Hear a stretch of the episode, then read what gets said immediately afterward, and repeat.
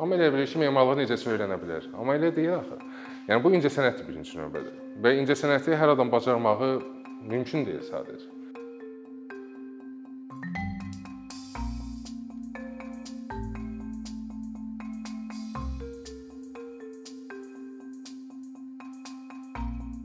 kifayət qədər maraqlı mövzudur. Boşluqları çox olan mövzudur və son dövrlərdə tələbat yaranan mövzudur. Nəyə görə tələbat yaranıb? Çünki ə, Azərbaycanda hal-hazırda çoxsaylı tikinti tikintilər gedir.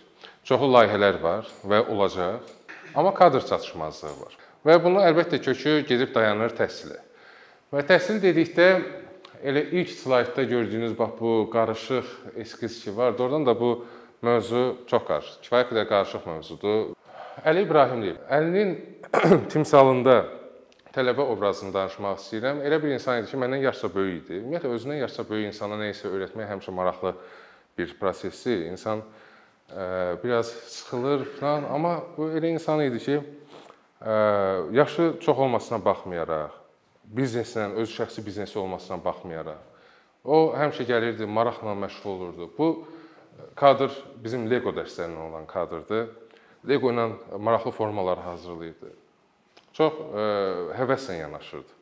Təəssüf ki, bu həvəsi hətta universitet tələbələrində görmürəm, amma əlinin timsalında istəyərdim ki, hamıda o həvəs, o şücaət olsun öyrənməyə qarşı. Təəssüf ki, Əli ə, e, indi aramızda yoxdur və ona görə də bu çıxışı məhz Əliyə həsr etmək istəyirəm. Təhsil ocaqları. Hansı təhsil ocaqları var ölkəmizdə? Hansı ki memarlıq ixtisası verirlər? Bu gördüyünüz slayd çirkin loqolar yarışmasının finalistləri deyil. Bunlar Azərbaycanda memarlıq ixtisası öyrədən təhsil ocaqlarının loqolarıdır. Birinci yerdə dayanan Azərbaycan Memarlar Memarlıq və İnşaat Universitetinin loqosudur, hansı ki uzun illərdir memarlıq tədrisi verir. İkinci yerdə Azərbaycan Dövlət Rəssamlıq Akademiyası, hansı ki mənim birinci təhsilim, bakalavr təhsilim bu akademiyada olub. Kifayət qədər əslində maraqlı bir yerdir memarlıq tədrisi vermək üçün. Çünki əsas amal o idi ki, akademiyada, Rəssamlıq Akademiyası memarlığının olmasına əsas amal o idi ki, oradakı tələbələr digər incəsənət sahələri ilə əlaqədə olsunlar. Və yadımdadır ki, mən birinci dəfə hələ qəbul imtahanlarından əvvəl gedib həmin o akademiyaya düşəndə təsadüfən getmişdim ki, baxım görüm ora necədir. Və qərara gəldim ki, nə olur olsun mən burada oxumalıyam. O qədər maraqlı mühiti var idi ki, ora ə, e, mənə görə Azərbaycandakı hətta ən yaxşı ilk üçlükdə olan universitetlərdən biri idi. Təhsil o qədər də güclü deyil idi, amma ən azından o mühiti var idi. Bakı Mühəndislik Universiteti. Bax bu universitet məni e, hansı köhnə Qafqaz deyək də, hamıya tam aydın olsun deyə. Bu universitetdən təklif gələndə ki, gəl bizə müəllim kimi işlə. Getdim maraqlanmaq, görüm ümumiyyətlə tələbələr nə ilə məşğuldurlar. Gördüm ki, e, ümumiyyətlə ora tələbə qəbulu qabiliyyət imtahanları olmadan keçir. Hansı ki, digər universitetlərdə qabiliyyət imtahanı ilə tələbələri götürürlər, amma bu universitetdə yoxdur qabiliyyət imtahanı. Və bu məni biraz şübhələndirdi ki, görəsən necə olar? Amma baxdım tələbələrin işlərinə, baxdım tələbələrin maketlərinə və gördüm ki, heç nə mənim oxuduğum universitetdə, nə digər universitetlərdə heç bu səviyyədə maket işləri görməmişdim. Başa düşdüm ki, okey. Deməli, qabiliyyət imtahanı olmadan da hansısa bir tələbəni sıfırdan yetişdirmək mümkündür. Bu mənə maraqlı gəldi. Ona görə də qərara aldım ki, Mühəndislik Universitetində öz pedaqoji fəaliyyətimi davam edə bilərəm. Sonra da Naxçıvan Dövlət Universitetinin nəzdində var memarlıq fakültəsi. Hansı ki, yəni təsəvvür edin, paytaxtda olan universitetlərdə çatışmazlıq nə qədərdir və o universitetdə çatışmazlıq nə qədərdir? Düzdür, o universitetdə çalışan e, oxuyan tələbələrin bir neçəsini tanıyıram və görürəm ki, həvəslə yanaşırlar, istəyirlər nəsə öyrənsinlər. Ona görə ümid görürəm hardasa. Amma yenə də çox aşağı səviyyədədir. Oradakı belə deyək, təhsilin proqramı və yaxud da təhsilə yanaşma. Və ortadan bir dənə xətt keçir. Tam ortadan deyil. ADO Universiteti. ADO Universiteti Azərbaycan Diplomatik Akademiyası memarlıq fakültəsi açır.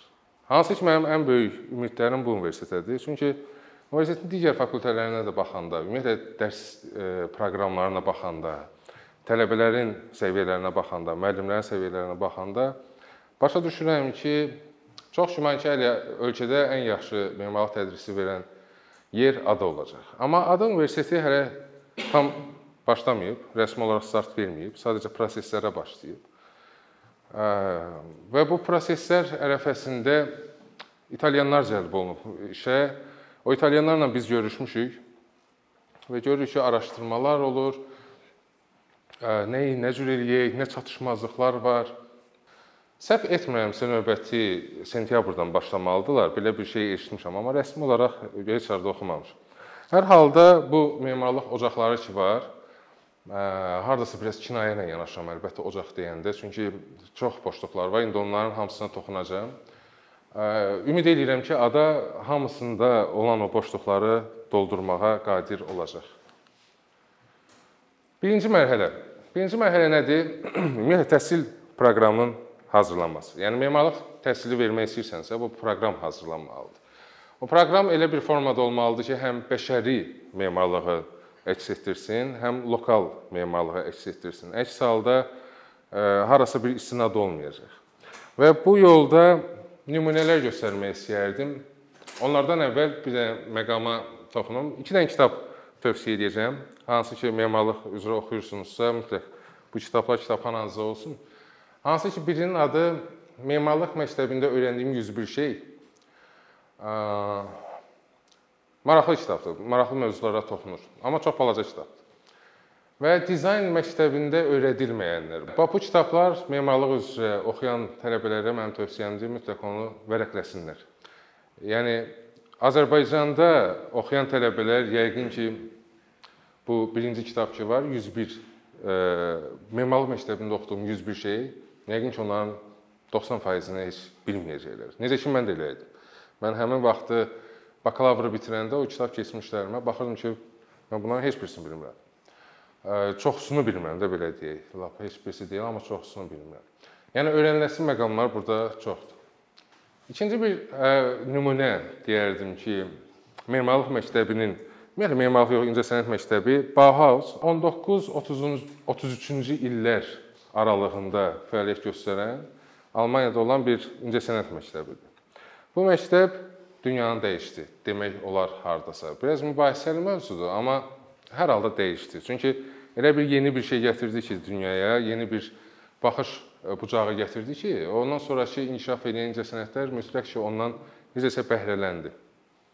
Və oradan çıxan memarlar, oradan çıxan rəssamlar, heykəltaraşlar, onların işləri, onların yanaşması yeni dünyanın belə deyək, e, təməlini qoymağa başlayırdı. Bauhaus nümunəsi nəyə görə vacibdir bu məqamda? Çünki yeni bir proqram və yeni bir baxış qoymuşdu. Hər məktəbə bu qismət olmur. Çox banaldır əslində bu mövzularda Bauhaus söhbəti, amma müqayisə edəcək ikinci bir e, məktəb tapmaq olar müasir dövrdə, amma o dövrlərdə məncə yoxdur. Başqa bir nümunə gətirmək istəyərdim, Strelka. Bu Moskvada olan bir memarlıq institutudur. Memarlıq şəhərsalma dəqiq bilmirəm, amma memarlıq institutu olmalıdır. Hansı ki, Moskva mühitində Moskva Sovetlərdən sonra ki, Moskvanı götürsək, yenə də o Sovetlərin izləri əlbəttə hər küçədə, hər addımda var idi, amma Zerkanın yanaşması, onun qoyduğu prioritetlər və onun xidmətləri Moskva mühitinə çox təsir elədi. Nəinki Moskva, hətta Moskva hüdudlarından da kənara bütün belə deyək, regiona, hətta qlobal səviyyədə təsirləri böyükdür.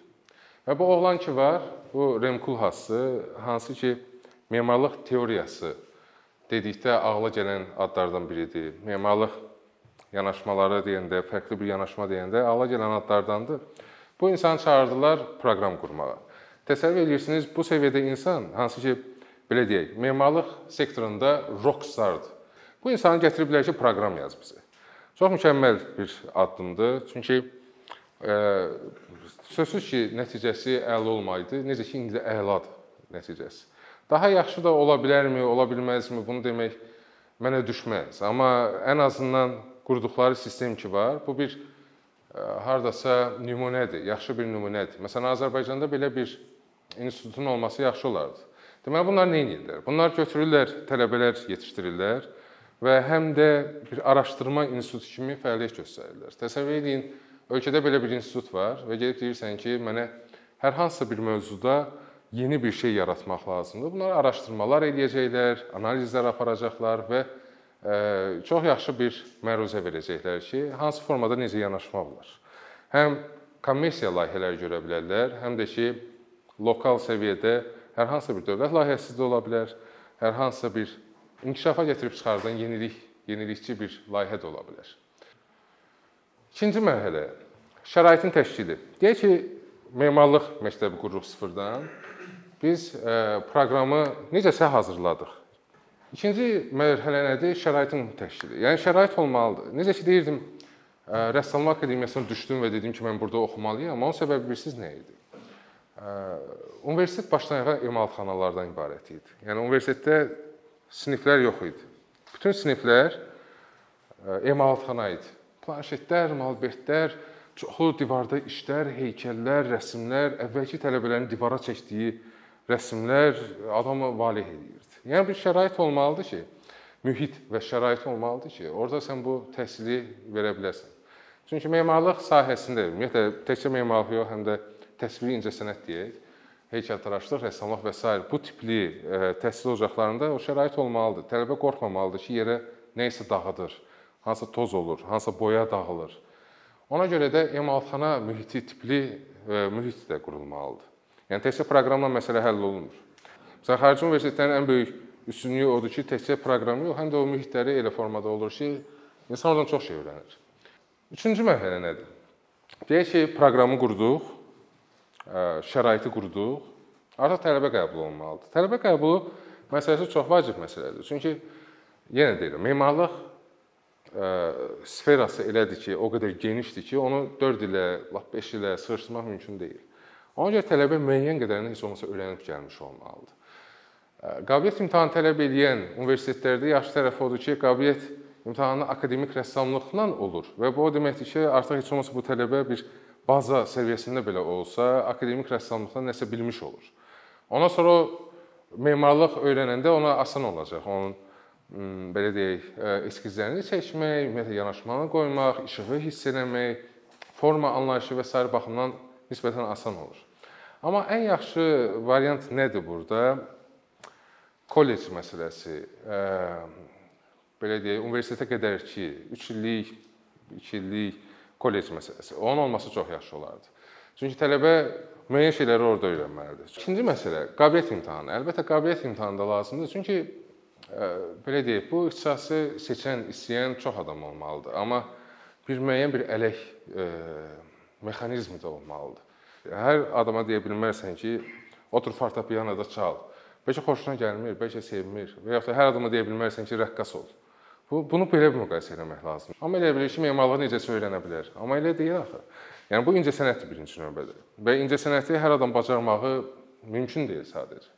Ona görə bir ələk mexanizmi olmalıdır və bu ələk mexanizmi elə işləməlidir ki, universitetin qəbul elədiyi tələbələrdən əliyib yaxşı olanları götürməlidir özünə ki, onun üzərində işləmək olsun. 4-cü mərhələ təhsil prosesinin aparılması. Və təhsil prosesinin aparılmasında əvvəla toxunmaq istəyirəm çatışmazlıqlara.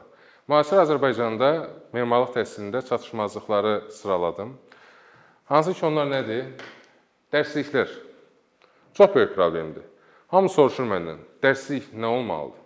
Düz elə bir sahədir ki, konkret bir dərslik olmalı deyil. Necə ki, məsələn, ədəbiyyat e, fakültəsində olan, hüquq fakültəsində olan, hər hansısa başqa fakültələrdə olan kimi dərslik olması böyük bir ə, belə deyək də, asan bir məsələ deyil ümumiyyətlə. Amma ən azından heç olmasa baza bir şeyləri öyrədən yerli dildə nələrsə olmalıdır. Azərbaycanda təəssüf ki, dərslik yoxdur. İkincisi analizdir. Analiz nədir? Ə, tələbə hər hansı bir işi görəndə araşdırma aparması. Mən çalışıram ki, indi tələbələrə onu aşılayım ki, belə deyək, bir semestrdə 4 ay varsa, Onun heç olmasa 1 ayını, 2 ayını o araşdırmalar üzərinə qurulmalıdır. Çünki o araşdırmanı aparmasan, sən bilə bilmərsən ki, nə edirsən. Hətta bizim vaxtımızda elə idi ki, hansısa bir layihəni verəndə konkret bir onun lokasiyası yox idi. Bir oturan yeri yox idi. Tələb eləmirdilər, amma halbuki o böyük bir çərçivə deməkdir memar üçün. Çərçivə deyəndə yaxşı mənada çərçivə. O e, istiqamətləndirir, o e, formanın yaranmasına kömək olur. Hər hansısa bir qərarların verilməsinə çox böyük kömək olur. Ona başqa araşdırma olmalıdır mədəniyyət baxımından, araşdırma olmalıdır iqtisadiyyat baxımından, araşdırma olmalıdır ətrafdakı binalar baxımından. Yadımdadır mənim magistratura işlərimdə mən e, magistraturanı İtal e, İtaliyada e, interyer dizayn üzrə aparmışam və bizə interyer olmasına baxmayaraq bir layihəni verəndə başlayırıq şəhərsalmadan, sonra keçirdik memarlığa, sonra interyerə, sonra keçirdik mebel dizaynına və sonunda bitirirdik hansısa bir xırda detallarla. Yəni bütün bu prosesi əks etdirirdi. Təəssüf ki, memarlıq ixtisası Azərbaycanda elə bir formada qurulub ki, heç bu araşdırma heç şəhər səviyyəsində olmur. Ondan sonra heç e, ətraf zonalar səviyyəsində olmur. Yəni analizlərdə mütləq şəkildə yeridilməlidir tələbələrə. Yerli materiallar, bu da vacib məsələdir. Çünki lokallaşmalıdır hardasa düşünürəm ki, proqram Nəyə görə? Əlçatan olması üçün. Tələbə birinci əlçatan materialları öyrənməlidir. Əlində olan nəsnələri, belə deyək, öyrənməlidir, araşdırmalıdır. Ondan sonra o öyrənmə prosesini digər ə, e, xarici və yaxud da qlobal, belə deyək, materiallar üzərində çox rahat apara bilər. Amma ən azından bilməlidir ki, material nədir. Təlimlər. Təlimlər də demək olar yox səviyyəsindədir. Hansı ki, bu təlimlər elə olmalıdır ki, universitet proqramından kənarda tələbə üçün lazım olan spesifik məsələlər e, verilməlidir hansısa bir e, təcrübəsi olan memar və ya da şirkət tərəfindən. Ki, tələbələr e, təxmin eləsinlər ki, onları nə gözləyir. Ümumiyyətlə toxunulmayan məqamları görsünlər, aşkarlasınlar. Yarışmalar motivasiya baxımından çox vacib məsələdir ki, tələbələrin yarışmalara qoşulması Təəssüf ki, bu ölkə səviyyəsində, yox səviyyəsindədir. Düzdür, bir ara oldu Qarabağda müəyyən e, mövzular üzrə yarışmalar çox yaxşı işdə oldu, amma tələbə səviyyəsində də olmalıdır. Tələbə hansısa bir mövzunu götürüb onun üzərində işləyib qalib olmalıdır və yaxud da məğlub olmalıdır. Yəni o prosesləri keçməlidir, öyrənməlidir ki, rəqabətə necə girəcək. Ümumiyyətlə layihəni nə cür hazırlayacaq? Verilən tapşırığı hansı formada edəcək? Burada qeyd eləməmişəm, amma tapşırıq, bax tapşırıq da çox vacibdir. Yəni bir tələbəyə tapşırığı düzgün formada vermək ki, sənin limitlərin nədir? O limitlərə əsasən işlə. Yoxsa fəzada işləmək olsa, milyonlarla yaradıcılıq eləmək olar. Amma onu bir müəyyən bir bloklara, müəyyən bir çərçivəyə salmalısan ki, yəni bunun içərisində oyna. Bunun içərisində də o dərinliyinə get. İnşaat bilgiləri, bu da çox vacibdir. Hansı ki, düz tələbənin çox yükləmək olmaz ki, inşaatın o zirzibilini görsünlər daima. Amma ən azından müəyyən bir təcrübə proqramı olmalıdır ki, tələbə həmişə kağız və qələmlə ərsəyə gəlmiş memarlığı həm də daşla, palçıqla, sementlə, keramika ilə, hər hansı taxta ilə, materiallarla başa gəldiyini görsün. O bir növ ətini qanını öyrənmiş olacaq. Yanımdakı bir workshop var idi, təlim var idi. Orada mən divar hörmüşdüm kərpicdən. Ondan sonra kərpicə qarşı hər şeyi hiss edirdim ki, kərpic nə deməkdir. Halbuki orada beton da var, daş da var, taxta da var, şüşə də var, çox da materiallar. Tələbədə onları aşılamaq lazımdır. Yəni bu sadalatların heç birisi yoxdur da, yəni biləsiniz ki, təəssüf ki, Azərbaycan təhsilində bunlar yoxdur. Qruplaşmalar, qrup işləri. Avropa təhsilinin, ümumiyyətlə qərb təhsilinin ən yaxşı tərəflərindən biri odur ki, qrup-qrup e, verir layihəni. Mən onu tətbiq eləməyə çalışıram. Məcburi şəkildə yox, çünki o e, xüsusi bir yanaşma tələb edən bir məsələdir. Amma kimlər ki istəyir, onlara da mane olmuram və hətta dəstək oluram ki, 2 nəfərlik, 3 nəfərlik qruplarla işləyə bilərsiniz. Qrup işi nəyə öyrədir insana? Ümumiyyətlə başqasının fikrini həzm eləmək, qəbul etmək və öz fikrini qarşısındakına çatdırmaq.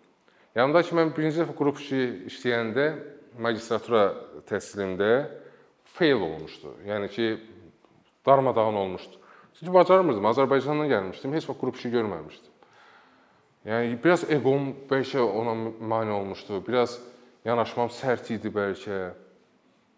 Başa düşdüm ki, bu məndə çox böyük bir minusdur və sonrakı tapşırıqlarda o minusu gördüm ki, yavaş-yavaş düzəltmək olur.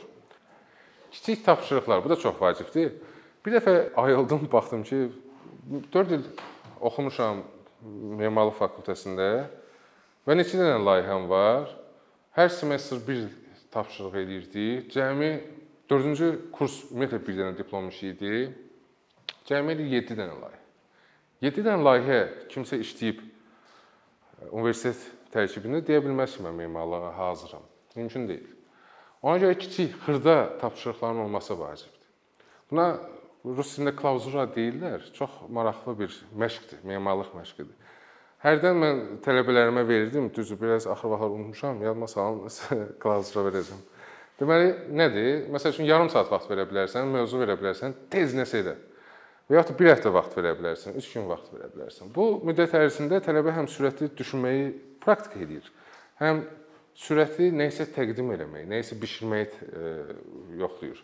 Bu bilirsiniz nəyə oxşuyur? Yəni idmana oxşuyur. Yəni sən məşq eləməsən, gündəlik bir məşqin olmasa, sənin zehnin inkişaf eləməz. E, idmanda əzələn inkişaf eləməz, e, memarlıqda da zehnin inkişaf eləməz. Yəni xırda tapşırıqlar da olmalıdır ki, tələbə ən azından universiteti bitirəndə hər kateqoriya üzrə hər hansısa bir anlayışı olsun. Hər kateqoriya dediyim, yəni yaşayış, kommersiya, sosial və s. və s. kateqoriyalarda ən azından anlayışı olmuş olsun. Eskiz və maket dərsləri bu olduqca vacib bir məsələdir. Çünki musiqi məktəbinə yazılmısınız, musiqi öyrənirsiniz, amma sizə not öyrətmirlər. Nə qədər absurd olar.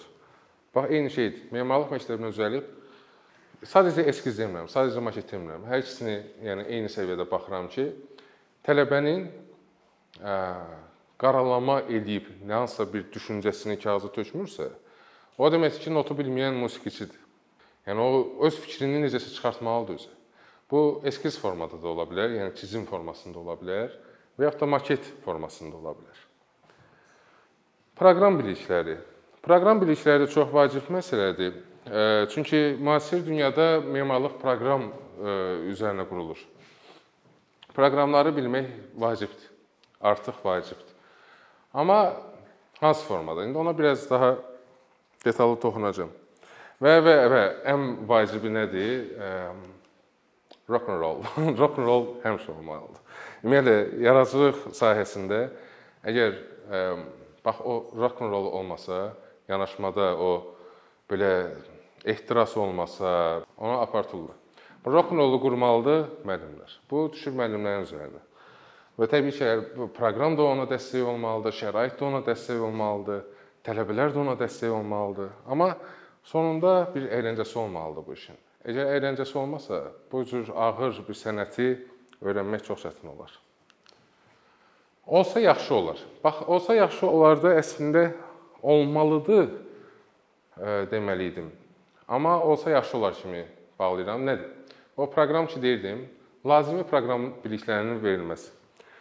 Çünki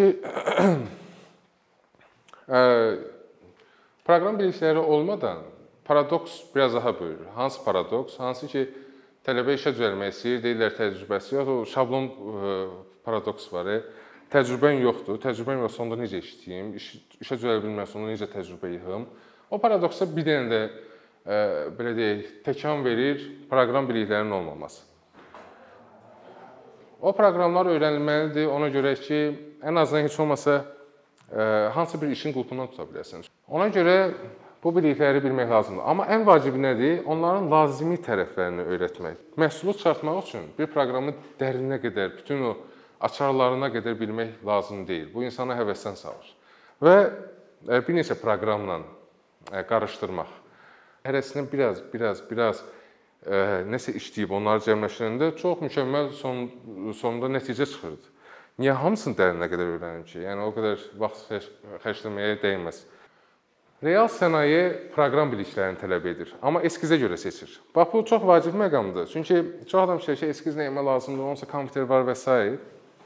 Amma belə bir məqam var ki, onu bacaran bunu 100% bacarar. O, yəni eskiz yaradıcılığı bacaran insan kompüter proqramlarının göz yumulu bacarar.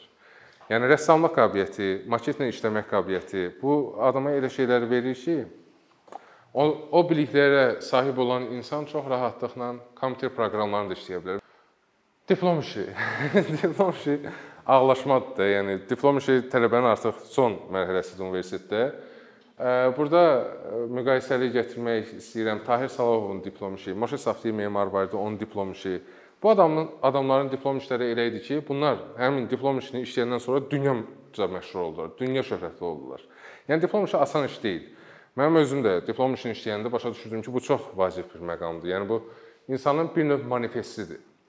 Tələbənin bir növ ə, debüt işidir. Yəni ilk işi kimi adlandırmaq olar. Ona görə diplom işinə yanaşmanı hər şeydən fərqli qoyun. Çünki Tahir Salahov kimi ola bilərsiniz. Moşe Saftiyev kimi ola bilərsiniz. Yeni bir cığır, yeni bir yol aça bilərsiniz öz sahənizdə. Sərt diplom müdafiəsi. Təəssüf ki, Azərbaycanda bu görmədiyim bir şeydir. Müqəddəs jüri. Yəni jüri jüri olur, diplom işi olur və orada elə tənqidlər olur ki, tələbələr yəni çoxsu ağlayanlar da olur. Ağlayaraq çıxanlar da olur. Xarici praktikadan deyirəm də bizə elə bir şey yoxdur. Bizə təəssüf ki, tələbə nazı ilə çox oynanılır. Tələbə nə desə yola verilir, amma elə olmalı deyil də. Universitetə qəbul olunanlar çox ola bilər, amma bitirənlər az olmalıdır. Yəni elə yaxın qonşu Türkiyədə məsəl üçün o nümunəni görmək olar. Mən yoldaşlarım əyləşib burada İTÜ məzunləridirlər. İstanbul Texnik Universiteti, başqa dostlarım da var orada oxuyan. Onlar həmişə danışırlar ki, bizə diplom müdafiəsi ağlaşma olub və yarısından çoxusu kəsilib. Və o kəsilən insanlar başqa bir sahələrə yönəliblər. Kifayət qədər də bacarıqlı olublar, kifayət qədər də ə, başarılı olublar. Yəni hamını keçirtmək lazım deyil. Və jüri doğrudan da müqəddəs olmalıdır. Elə bir formada olmalıdır ki, o hə deyib şikəst eləməsin. O yox deyib dirçəlsin. Başqa bir sahəyə yönəlsin o tələbələri. Sonra nə başlayır? Real sənəyə başlayır. Yəni real iş həyatına atılmaq. Nə lazım olur? Portfolio. Bir memarı tanımaq istəyirsənsə, Gərək sən e, onun portfolyosuna baxasan. Portfolyoya baxanda tam onun bioqrafiyasını çıxarda bilərsən ki, bu insan nədir? Bu insan nəyi bacarır? Bu insan nəyi nəyə qadirdir? Və portfolyo adətən olmur universitet tələbələri bitirəndə, amma halbuki 4 il ərzində layihələr işləmiş olursun, analizlər eləmiş olursun, müəyyən bir eskizlər eləmiş olursun. Onu portfolyoya çevirmək lazımdır. Bax, e, Avropa təhsilində o var ki, portfolyo ayrıca bir semestrdə keçirir ki, Burdan çıxandan sonra get özünə bir iş tap. İşə qəbul imtahanı çox vacib məqamlardan biridir. Çünki bu müəyyən bir bəlli bir səviyyəni göstərir. İtalyanlar gəlmişdilər, tələbə deyildilər, artıq işləyirdilər və onlar deyirdilər ki, biz imtahan verməmiş lisenziya ala bilmirik. Yəni memar kimi işləməyə, memar kimi layihə verməyə yox, ha, işləməyə, işə düzəlməyə müəyyən bir imtahan var. O imtahan verirlər, dava, qırğın, ağlaşma.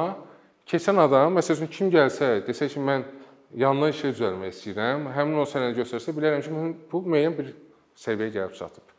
Yoxsa bizdə necədir? Bizdə çox sadədir. Kim istəyir, gedib iş tapa bilər. Hər yerdə iş tapa bilər. Təcrübə müddəti. Bu da vacibdir. Staj staj keçmək. Və orada çox vaxt ödənişsiz olur, çox vaxt cüzi ödəniş olur, amma bu tələbənin ilkin bazasını qoyur. Və staj müddətinin çalışını elə yerdə keçin ki, orada öyrəndikləriniz sizin axıra qədər yaddaşınızda qalacaq. O sizin yaradıcılığınıza çox təsir edəcək. Necə ki mənim birinci staj keçdiyim yerlər ki var idi, xoşbəxtlikdən yaxşı yerlər olub, amma indiyə qədər bilirəm ki, mən memari tərbiyəmi oradan almışam. O insanlardan almışam. Ona görə bu da çox vacib bir məqamdır. Bu qədər. Təşəkkürlər.